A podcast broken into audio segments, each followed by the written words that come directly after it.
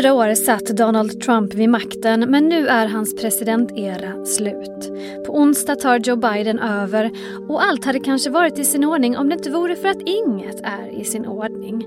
Vi bevittnar nämligen en mycket turbulent period i USAs historia som kulminerade den 6 januari när Trump-supportrar stormade Kapitolium och flera människor miste livet.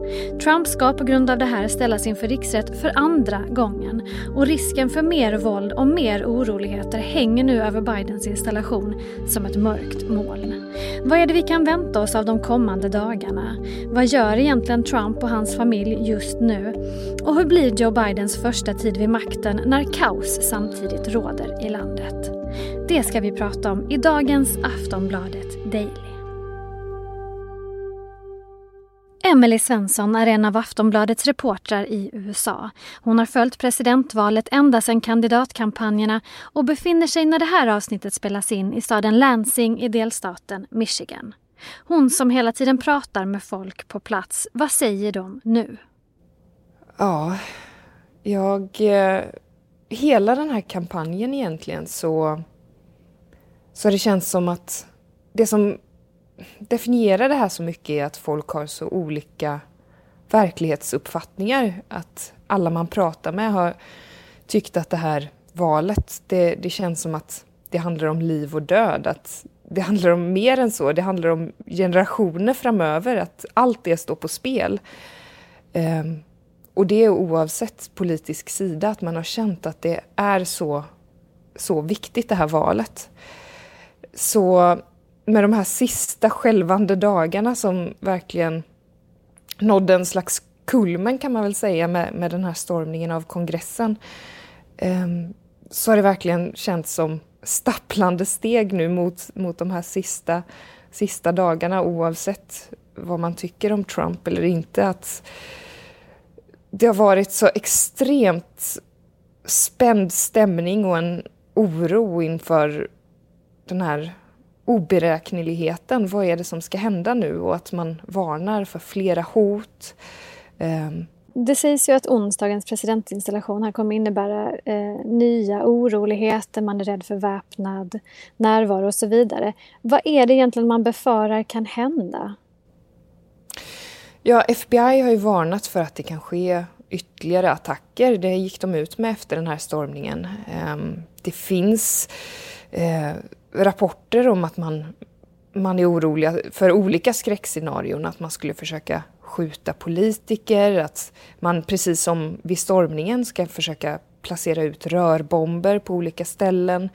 Eh, försvarsdepartementet ska ha gått igenom olika scenarier för hur man ska agera om någon tar sig in med drönare över luftrummet. Eh, men också när hela säkerhetsapparaten är så fokuserad på Washington så finns också en ökad oro att någon grupp istället ska försöka attackera någon annan plats i landet där man inte har lika mycket fokus under just de här timmarna. Vi har ju fått rapporter om nationalgardet som sover i, på plats nu i Washington i olika byggnader och sådär. Hur ser säkerheten ut i övrigt? Ja, säkerheten är framförallt enorm i Washington DC just nu. Det, jag var ju där häromdagen och ska tillbaka igen. Ehm, det ser ut som en militärbas i princip. Det är omöjligt att ta sig fram någonstans. Vägarna är avstängda. Ehm, det är svårt att få tag på mat nästan i centrala DC för att det är nedstängt. Eh, det står militärfordon och polisbilar i varenda korsning. Det är checkpoints för att ta sig in på området. Eh, man har spärrat av med flera lager av eh, järnstängsel. Det är över 25 000 soldater på plats i DC, alltså tre gånger så många som landet har placerat i Afghanistan, Irak och Syrien kombinerat. Jag har hört journalister som bevakat krig som säger att de aldrig sett något liknande. Eh, för det förekommer ju uppgifter på nätet om olika milisgrupper som planerar protester och marscher just i samband med installationen. Eh, och därför finns det här oron över att någon ska passa på i övriga landet när, när hela fokuset är på Washington och man, eh, man verkligen har fokuset där. Just det. Och det här kan ha avskräckt många från att, från att inte agera i Washington DC. Och du kommer ju vara på plats på onsdag, antar jag, om du kommer fram. Eh, jag hoppas det. Men du var ju också närvarande utanför Kapitolium när det stormades då. En historisk, kaotisk dag som har kommit att kallas en av de mörkaste i USAs historia. Hur upplevde du själv den dagen? Ja, det har nästan varit svårt att sortera tankarna från den dagen. Det, det känns som ett stort kaos eller töcken i efterhand nästan. Mm. Jag var vid det här Trump-rallyt först vid Vita huset för att sända live efter Trumps tal. Och då såg jag hur många var på väg mot kongressen, precis som Trump hade uppmanat dem att göra från scenen precis innan. Och när jag hade spelat in det här med redaktionen så var jag på väg också mot kongressen och såg information om en första konfrontation uppe vid kongressen med polisen. Och då kom jag fram till västsidan av Kapitolium. Ehm, folk hade tagit sig upp på trapporna vid det här laget, stod på räckena, eh, viftade med flaggor, klättrade på väggarna. Det var en helt overklig syn. Folk hade tänt bengaleldar. Men på marken där jag befann mig, kanske 100 meter därifrån, så, så var det total feststämning kan man säga. Folk hurrade, jublade. Ehm, jag såg barnfamiljer där föräldrar uppmanade sina barn att ställa sig på knä inför det som hände. Jag var väldigt så här, upptagen med att få kontakt med redaktionen men hela nätet låg nere. Och då började folk ropa att man har tagit sig in i kongressen. Och jag visste inte riktigt vad jag skulle tro på inledningsvis, om man kunde tro på den här informationen. Eh, vi hör, började höra sådana här distraktionsgranater, flashbangs i området. Eh, och, och det blev verkligen en mer intensiv stämning där. Så vi tog oss upp till kongressens portar. Eh, där var det mer spänd stämning än, än nedanför på marken där det var den här feststämningen. Det var tjurrusning mot dörrarna. Folk skrek att man skulle trycka på. Eh, folk krossade rutor, vandalisera. Det var folk i stridsutrustning. Högerextremister som gjorde vit makttecken och sa att man skulle hänga förrädare. Så det var verkligen en blandning av folk där folk vissa Trump-supportrar var jublande glada över det som hände, att det var något bra som skedde. För många är ju övertygade om att det verkligen var valfusk, att man måste göra något åt det. Och samtidigt får vi ju nu allt fler detaljer om hur högerextremister verkligen var ute efter politiker och med buntband i kammaren. Mm. Eh, jag kommer nog aldrig glömma den dagen. De, de eh, bilderna har verkligen satt sig på näthinnan. Och det, det var surrealistiskt, och, surrealistiskt att befinna sig mitt i något som jag tror kommer skrivas in i historieböckerna. Verkligen. Otrolig, eh, otroligt märkliga tider vi lever i just nu överhuvudtaget och då särskilt i USA. Du har ju intervjuat Trumps tidigare advokat, advokat Michael Cohen om att eh, Trump nu ställs inför riksrätt för andra gången. Vad hade han att säga? Ja, det stämmer. Han, eh, han är glad över att hans tidigare chef nu får möta konsekvenser av sitt handlande, säger han. Eh, för att han anser att Trump så ofta genom karriären har sluppit just det på grund av personer som Michael Cohen själv som annars sopar undan spåren och får ta de här smällarna för Trump.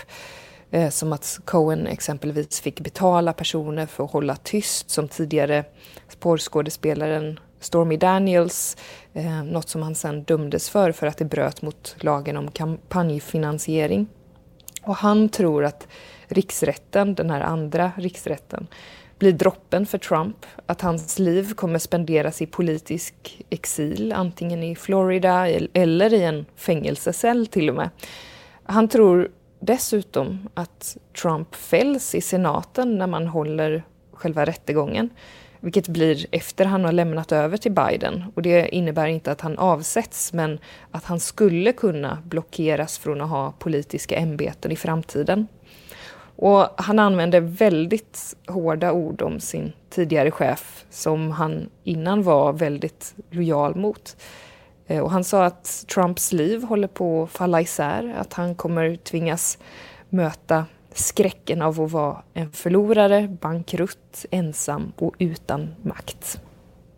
Trump ska ju inte närvara på Bidens installation har han låtit meddela. Var befinner han sig nu? Vad gör han och hans familj de här sista dagarna?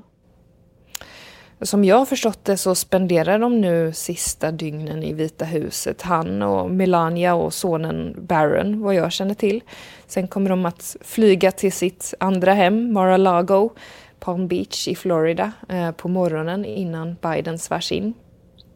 Eh, dagligen så skickas det ut eh, meddelanden från Vita huset, ett schema om att Trump är upptagen och tar många samtal och möten utan att specifiera exakt vad. Men vi har ju sett en del personer som går in och ut ur Vita huset de senaste dagarna, bland annat hans advokat Rudy Giuliani, Michael Lindell, en känd VD här i USA.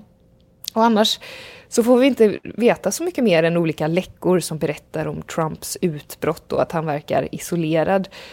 Som journalist så är jag ju van vid att få hans eller få pushnotiser om varenda tweet som Trump skickar ut dagligen de senaste åren. Och man får besked direkt om vad Trump tycker om ett nytt avtal, uttalande eller hur mm. han reagerar. Och nu är det helt tyst och det är väldigt konstigt. Så vi vet ju inte exakt hur han reagerar på olika saker längre. Hur kommunicerar han alls med sin omvärld just nu? Väldigt lite. Det har blivit väldigt tyst sedan han stängdes av från Eh, Twitter. Man, eh, man får knappt ut något överhuvudtaget från olika kanaler från Vita huset faktiskt. I allt det här, eh, den här tumulten och kaoset och det handlar ju så mycket om, om Trump. Men det är ju bara några dagar kvar nu tills Biden tar över, eller någon dag när, när ni som lyssnar lyssnar. Hur kommer det att märkas tror du? Alltså hur blir hans första tid vid makten? Inget fokus har ju legat på honom nästan alls den senaste tiden. Ja, väldigt lite.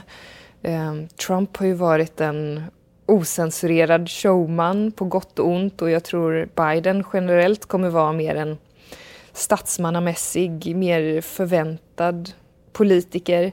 Och det är också därför han blev vald tror jag. För fyra år sedan så ville folk ha förändring och i den här omtumlande tiden som vi befinner oss nu så vill folk snarare ha mer stabilitet. Ehm, Bidens första tid vid makten kommer fokusera på coronapandemin väldigt mycket. Att få ut vaccin till 100 miljoner människor i USA eh, de första 100 dagarna. Att få folk att bära munskydd, få till stånd nya ekonomiska stödpaket. Det är det akuta. Eh, och samtidigt kommer ju hans första tid eh, i Vita huset möjligen också tyngas ner nu av att hans företrädare hamnar i en riksrättsrättegång. Eh, och det kan ju polarisera landet ytterligare och är ett av de stora problemen USA också tampas med just nu. Ehm, så, och det här kommer ju inte vara, vara över på något sätt bara för att Biden lägger handen på Bibeln den 20 januari. Sist här hörde vi Emily Svensson, Aftonbladets reporter på plats i Michigan men på väg till Washington DC för att närvara när Joe Biden svärs in som president den 20 januari. Och den händelsen kan ni självklart följa på aftonbladet.se. Jag heter Olivia Svensson och du har lyssnat på Aftonbladet Daily. Hej då!